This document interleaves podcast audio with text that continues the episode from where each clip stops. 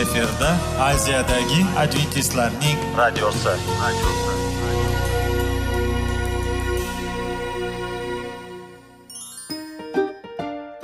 assalomu alaykum radio tinglovchimiz dasturimizga xush kelibsiz va bizni tinglayotganingizga sizdan judayam minnatdormiz bugungi bizning dasturimizning nomi sog'liq daqiqasi deb ataladi va biz sizlarga bu dasturda mevalarning foydasi haqida so'zlab bermoqchimiz ya'ni uning tarkibi uning tarixini va foydali xususiyatlari haqida. Aziz do'stlar mevani iste'mol qilish kerak ekan va biz boshladik ketdik. Sog'liq daqiqasi soliqning kaliti qiziqarli ma'lumotlar faktlar. Har kuni siz uchun foydali maslahatlar. Sog'liq daqiqasi rubrikasi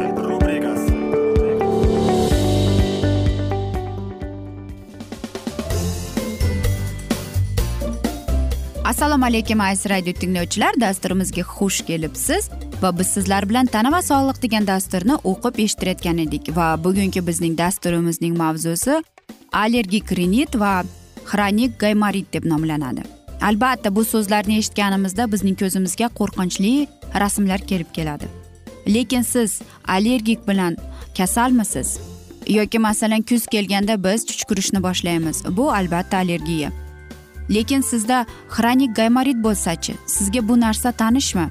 Agar siz bu kasalliklarni bilmasangiz undagi bugun bizning dasturimiz sizlarga e, mana shu kasalliklar haqida judayam ko'plab ma'lumotlarni berishga harakat qilib ko'ramiz. Va agar sizlarda mana shunday bo'lsa qanday qilib bu kasallikda to'g'ri yo'l tutishingizga yordam beramiz degan umiddaman. Qarangki bu e, allergik rinit bilan bu judayam ko'plab aytaylik mashhur kasallik ekan. Uning mana shuning uchrashishi e, judayam o'ttiz foizga kelib chiqar ekan. Ya'ni e, biz ko'chaga chiqqanimizda e, biz chuchkura boshlaymiz. Yoki masalan daraxtning mana shu aytaylik kichkina kichkina bir junga o'xshaydigan narsalar uchib yuradi. Yoki hayvonga bizning hayvonning juniga bizning allergiyamiz bo'lishi mumkin. Mana shuni allergik rinit deb qo'yar ekan. Va albatta bu kasal bo'lganda bizdagi burnimizdan e, suvga o'xshagan narsa chiqadi. Biz ko'p marotaba chuchkurishni boshlaymiz. Burnimiz bitib qoladi e, va burnimiz qichishni boshlaydi. Albatta va oxir oqibat bunga nima yana keladi? Albatta bizning tanamiz qichisha boshlaydi. Shuning uchun ham o'ylaymanki bularning hammasi bizning hayotimizga judayam katta ta'sir qilib ko'rsatar ekan. Ko'plab buning usullari buning mana shunday kasal bo'lishining sabablari sabablari judayam ko'pdir. Va u e, mana shu kasallik uch sakkiz foizga ko'tarilar ekanki bronxial astmaning kasal bo'lishiga. Lekin xronik insulin bor. U umuman boshqa narsa. E, bu aytaylik eng katta va eng birinchi o'rinda oladigan.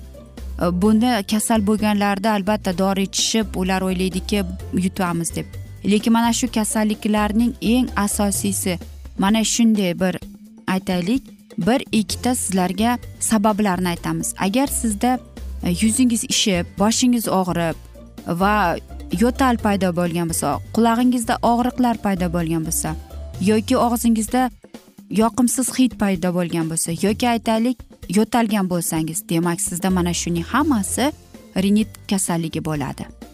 Albatta lekin kasal mana shu dorilarni ichganda siz mana shu borada judayam ehtiyot bo'lishingizni iltimos qilib ko'ramiz. Yoki aytaylik e, gaymarit haqida. Bu judayam qiyin narsa. Qarangki e, biz mana shu narsalarni o'ylaymizki dori ichayotganimizda yoki boshqa narsa qilayotganimizda bizga oddiy narsalar kerak ekan. Vitamin c ya'ni besh yuz milligrammdan bir kuniga va sink o'ttiz ellik grammdan ichishimiz kerak ekan va ular bizning burnimizni nafas olishimizga yordam berib keladi yoki allergik e, vaksinani qabul qilishimiz mumkin ekan. Bu ham judayam yordam beradi. U bizning mana badanimizga shunaqa ta'sirlar qilib ko'rsatadiki hattoki allergik reaksiyani ham bermaydi ham. Keyinchalik biz mana shu narsani o'z e, ko'taraveramiz. Lekin eng katta optimal buning e, narsasi olti yoki sakkiz e, haftada bu e, aytaylik to'rt besh yilning ichida ekan. Shuning uchun ham mana shu narsalarning bizning badanimizda bo'layotgan allergenning kelib chiqishini davolanishi bo'ladi. Eng birinchi vaksina bu aytishadiku birozgina kichkina kichkina dozalar bilan olgan yaxshi. Albatta allergenga umuman hozirgi e, vaqtga topilgani yo'q. Lekin bu vaksinani olganlar qaysidir bir vaqtgacha e, shu kasalligingizni aytaylik yopib qo'yadi. Keyin lekin u yechmaydi sizning va sizni davolamaydi ham. Eng to'g'ri uning e, mana shu dorining qo'llanishi bu agar biz sizda e, daraxtga yoki aytaylik shamolning daraxtlarning bo'lgan changiga yoki ob hayvonning aytaylik juniga allergingiz bo'lsa faqatgina mana shularga bu privivkalarning o'zi yetarli emas bu judayam murakkab davolanish bo'ladi. Lekin hozirgi esa bu bizni birozgina vaqtga sizni mana shu allergendan himoya qilib qoladi xolos. Shuning uchun aytamizki aziz do'stlar e, burunning gigiyenasini to'g'ri ushlashga harakat qilib ko'ring. Burningizni to'g'ri chayqashga harakat qiling yuving uni to'g'ri parvarish qiling. Va siz faol hayotni tarzini tuting. Va eng asosiysi siz qaysinday ovqatlanasiz. Va hattoki mana shu allergen ovqatning orqasidan ham kelib chiqishi mumkin ekan. Masalan e, molning sutiga va yoki e, aytaylik pishloqqa tvorogga qatiqqa hamma narsaga allergen bo'lsa undan ko'ra bu narsalarni iste'mol qilmagan yaxshi. Albatta men o'ylaymanki e, ba'zi bir insonlar bizning dasturimizdan keyin to'g'ri xulosa to'g'ri tanlov qiladi deb. Aziz radio tinglovchilar biz sizlarga bugun e, mana shunday narsalarni bekorga aytganimiz yo'q. Biz sizlarni qo'rqitmoqchi emasmiz. Biz sizlarga shunchaki ilhomlantirmoqchimiz. Siz o'zingizning sog'lig'ingizga e'tiborli bo'ling deb. Vaqtida kerakli muolajalarni qiling deb. E, va mana shu sizdagi sog'lom hayot tarzingiz sizga judayam hayotiy prinsip bo'lishi kerak. Har kuni bir kuni bir narsa sog'lig'ingiz uchun qilgani o'rganing ko'niking. Faqatgina siz o'zingizning kelajagingiz uchun chiroyli va go'zal kelajagingiz uchun va bugungi kun faqatgina sizga bo'ladi.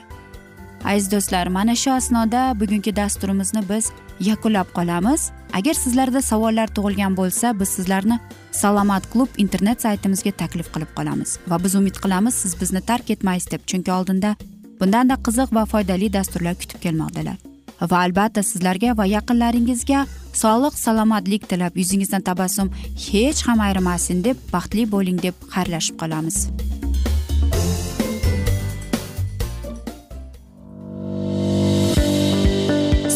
Daqiqasi soliqning kaliti qiziqarli ma'lumotlar faktlar.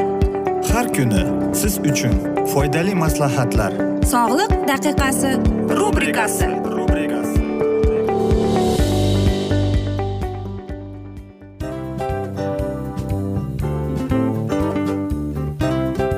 Mana ha hayotda hamma narsaning yaxshi narsalar tugaydi va yakunlaydi degandek bizning dasturimizga ham yakun keldi o'ylaymanki bizning dasturimiz sizga foydali bo'ldi deb aziz radio tinglovchimiz. Va siz o'zingiz uchun kerakli xulosalar kerakli maslahatlar olib oldingiz.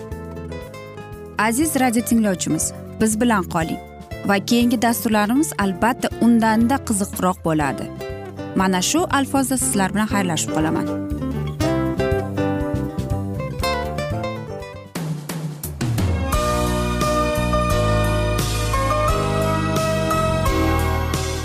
Efirda aziyadagi adventistlarning radiosi.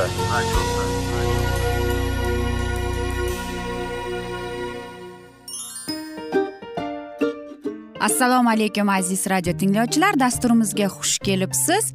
Va sizlarni bugun biz munosabatlar haqida sizlar bilan suhbat qurmoqchimiz. Ya'ni ikki sevishganlar to'g'risida yoki er xotinning o'rtasida bo'lgan munosabatlar haqida. masalan yigit qizni qanday sevish kerak?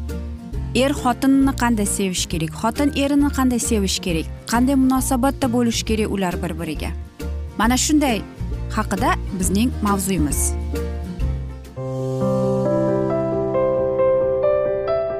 Har kuni har xil kasbdagi odamlar bilan sirlashish va bo'lishish sevgi rashq munosabat bularni hammasi izhori rubrikasida.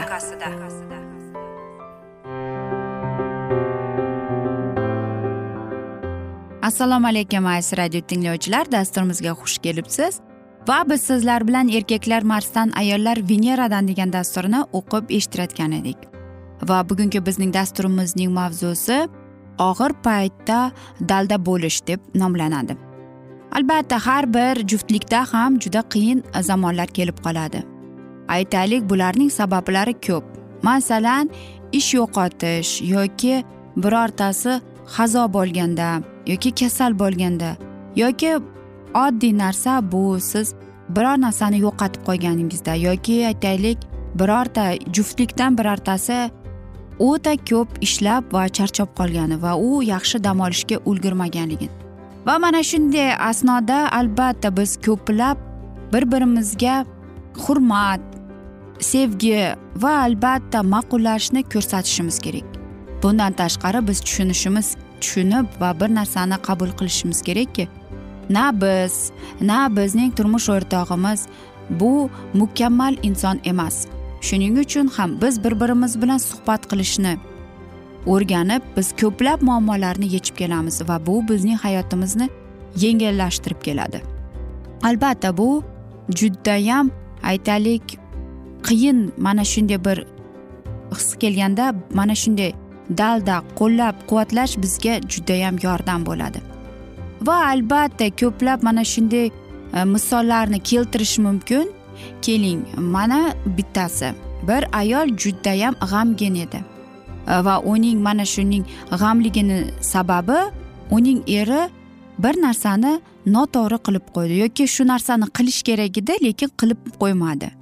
Albatta mana shu asnoda esa aksi bo'lib keladi.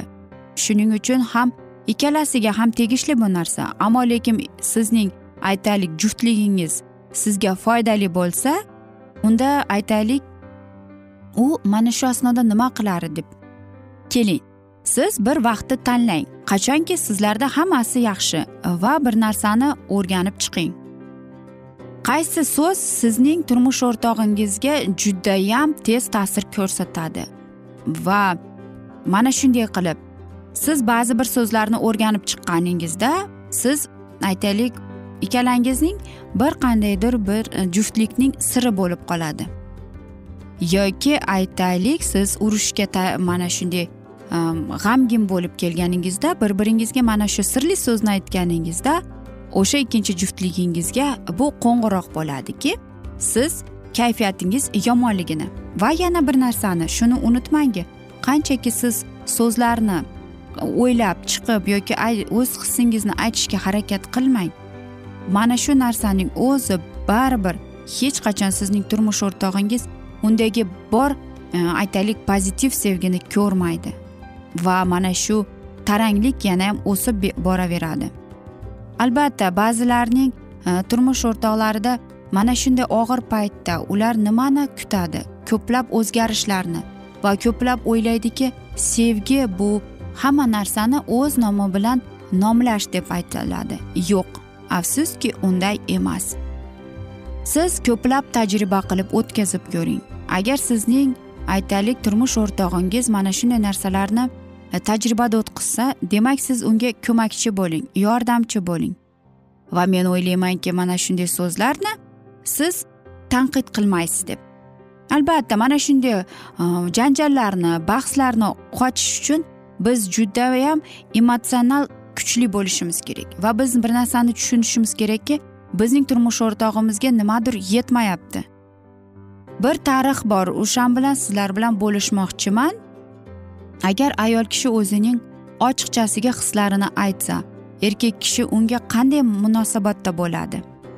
Bir kuni men turmush o'rtog'im bilan o'zimizga kichkina ta'tilcha qildik va biz e, dam olgani ketdik va yo'lda biz birozgina charchoqni yozish uchun ketayotganimizda albatta men o'yladim qarab turganimda mening turmush o'rtog'im judayam baxtli edi chunki unga bu E, sayr yoqayotgan edi va birdaniga u bir og'ir ohni chiqarib aytdi.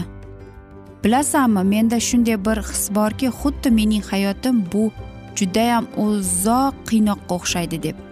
Men esa darrov javob bermadim. Birozgina mana shunday bir daqiqalikni mana shu pauzani olib turib aytdim.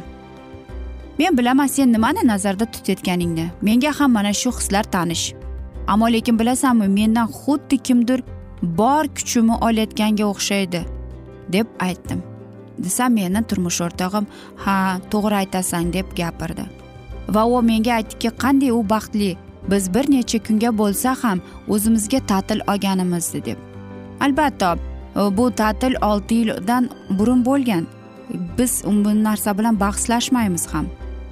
Albatta keyinchalik meni ham achchig'im kelib qoldi chunki bu ayolimdan kelib chiqqan meni tomondan tanqid edi. Axir uning hayoti bu judayam qiyin qiynoq deb aytdi. Nega bu mana shunday? Men o'ylardimki u menga mana shu narsani shikoyat qilyapti deb. Keyin men ko'p e, o'zimni himoya qilib tushuntirishga harakat qilib ko'rdim. Aksincha qarangki turmush o'rtog'im oddiy so'z bilan qilib aytganda u shunchaki ifoda qilib aytgan ekan. Bu men tomonga bo'lgan haqoratlar emas ekan. Ha aziz do'stlar mana shunday asnoda biz aytganimdek ko'pchilik tushunmovchiliklar mana shuning oqibatidan kelib chiqadi. E, va bilamizki ayollar gapirganda ular boshqa narsani ma'noda tutishadi. Albatta erkak kishi o'ylaydiki masalan ayolimga moshina olayotganimda nima qilishim kerak deb. Hech narsa qilmaslik kerak. Ayol shunchaki men charchadim desa demak u charchagan bo'ladi. Agar ayol kishi men hayotim mana shunaqa bo'lyapti desa demak u sizga tanqid qilib sizni haqorat qilgan emas. U shunchaki o'zini qiynayotgan his tuyg'ulari bilan siz bilan bo'lishib kelyapti. Albatta ko'plab muammolar bor ko'plab mana shunday mayda chuydalarning orqasidan janjallar kelib chiqadi. Lekin ayol kishi o'zi siz bilan bo'lishayotganda siz xursand bo'lishingiz kerak. Biz erkaklarni hech ham tanqid qilmaymiz. Axir hammamiz ham tirik jonmiz. Va biz ayollar ba'zidan esa unutib qo'yamizki siz aziz erkaklar marsianliklarsiz. Va hamma narsani siz boshqacha qabul qilib olasiz. Va men o'ylaymanki bizning dasturlarimiz sizlarga birozgina bo'lsada yordam beryapti deb. Chunki mana shunday asnoda afsuski bugungi dasturimizni biz yakunlab qolamiz? Chunki bizning dasturimizga vaqt birozgina chetlatilgani sababli. Ammo lekin keyingi dasturlarda albatta mana shu mavzuni yana o'qib eshittiramiz. Va biz umid qilamizki sizlar bizni tark etmaysiz chunki oldinda bundanda qiziq va foydali dasturlar kutib kelmoqdalar. Va sizlarga va oilangizga tinchlik totuvlik sog'lik salomatlik tilab yuzingizdan tabassum hech ham ayrimasin deb seving seviling deb xayrlashib qolamiz.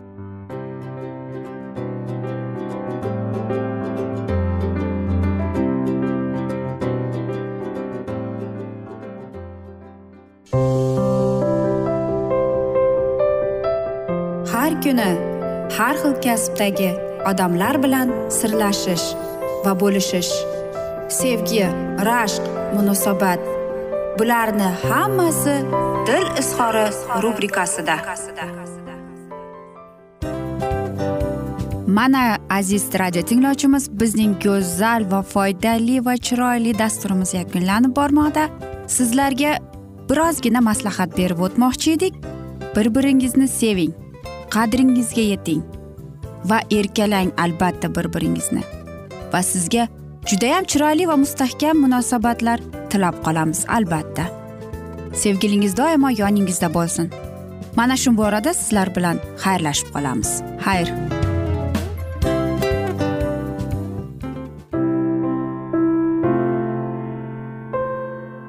Hayotning noni. Qiziqtirgan savollar va javoblar.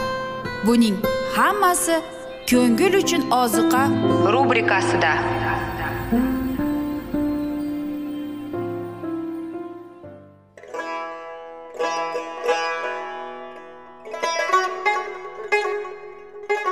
Assalomu alaykum aziz va qadrdon radio tinglovchimiz.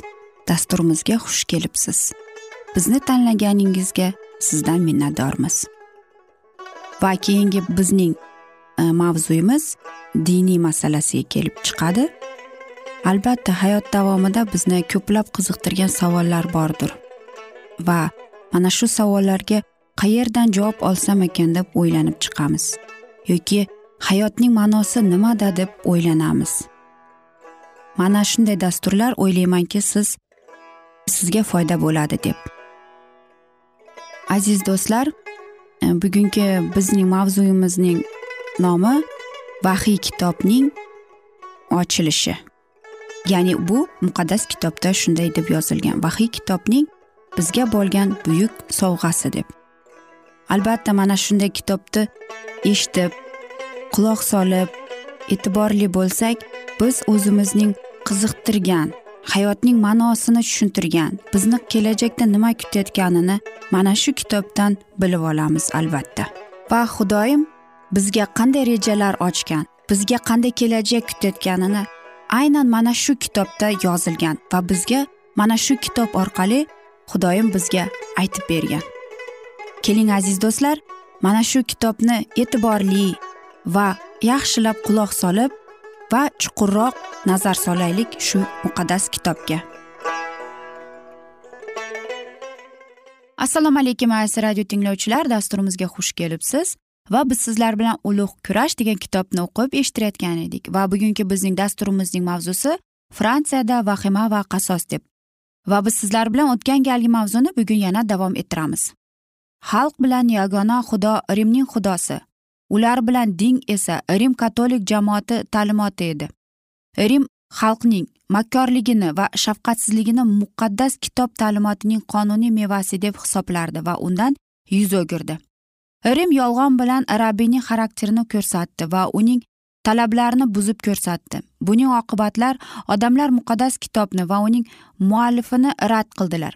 Rim muqaddas kitob ana shunday ta'lim beradi deb o'z aqidalariga ko'r ko'rona ishonchni talab qildi.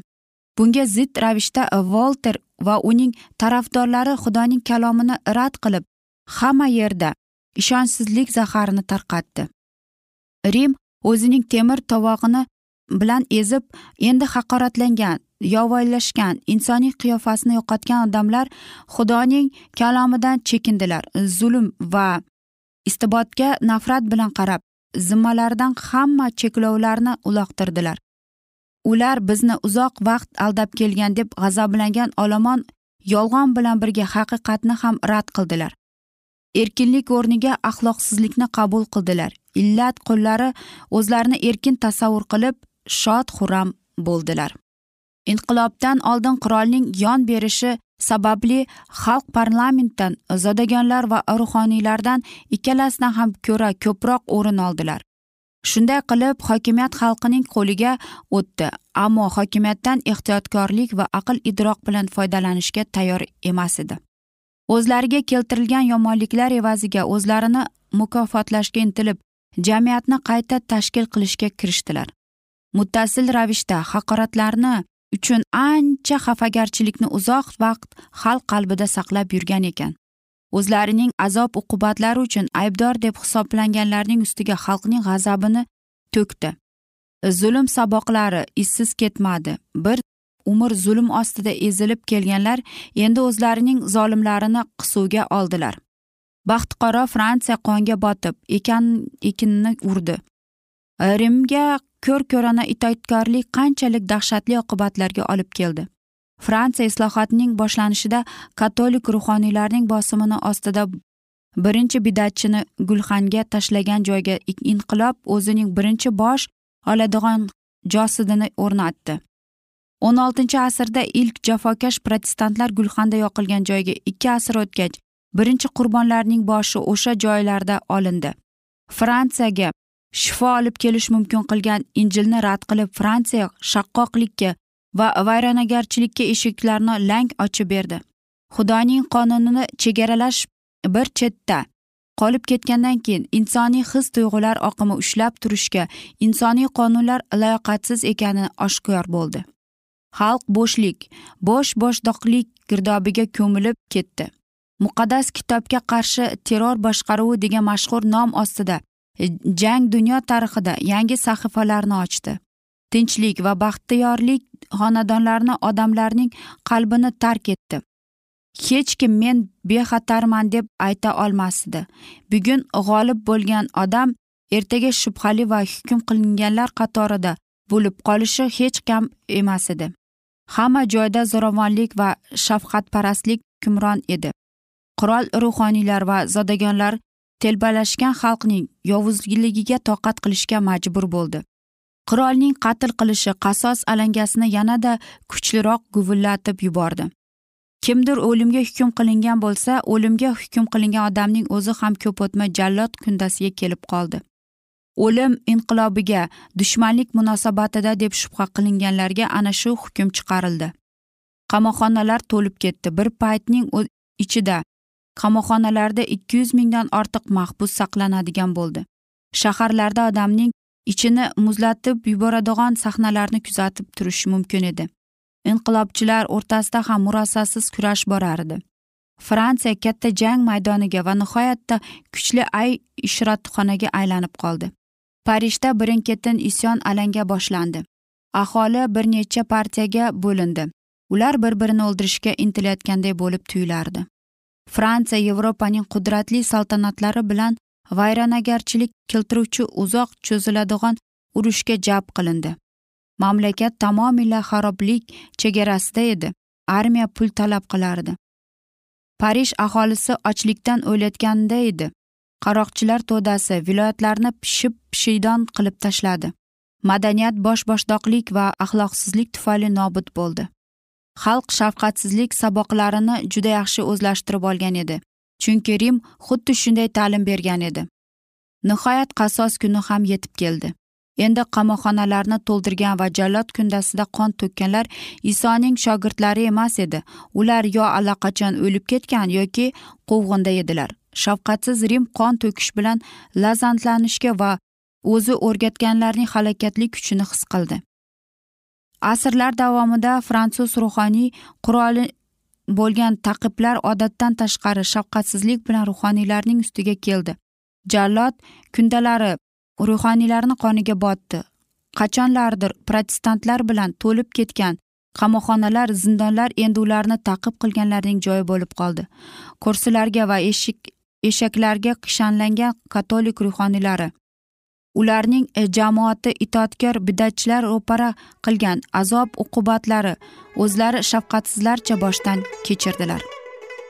Aziz do'stlar mana shu alfozda biz bugungi dasturimizni afsuski yakunlab qolamiz chunki bizning dasturimizga vaqt birozgina chetlatilgani sababli ammo lekin sizlarda savollar paydo bo'lgan bo'lsa biz sizlarni alkitab media internet saytimizga taklif qilib qolamiz. Va albatta sizlarga va oilangizga yaqin birodarlaringizga tinchlik totuvlik sog' salomatlik tilab va albatta yuzlaringizdan tabassum hech ham ayrimasin deb xayr omon qoling deb xayrlashib qolamiz.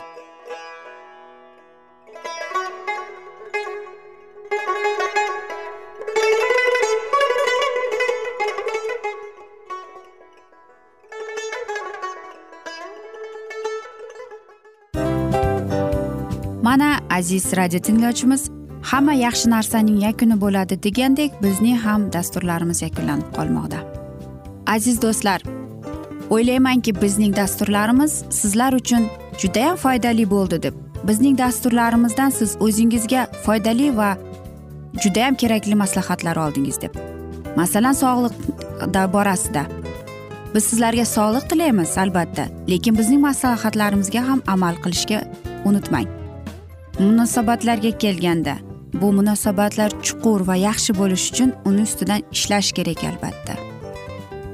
Diniy masalaga kelsak aziz do'stlar bu judayam jiddiy va chuqur nazarni talab qiladi. Ammo biz sizlar bilan xayrlashib qolmaymiz keyingi dasturlarda eshittirishimizni davom ettiramiz va sizlar bilan mana shu yaxshi kayfiyatda xayrlashib qolamiz. Va keyingi dasturlarda ko'rishguncha xayr!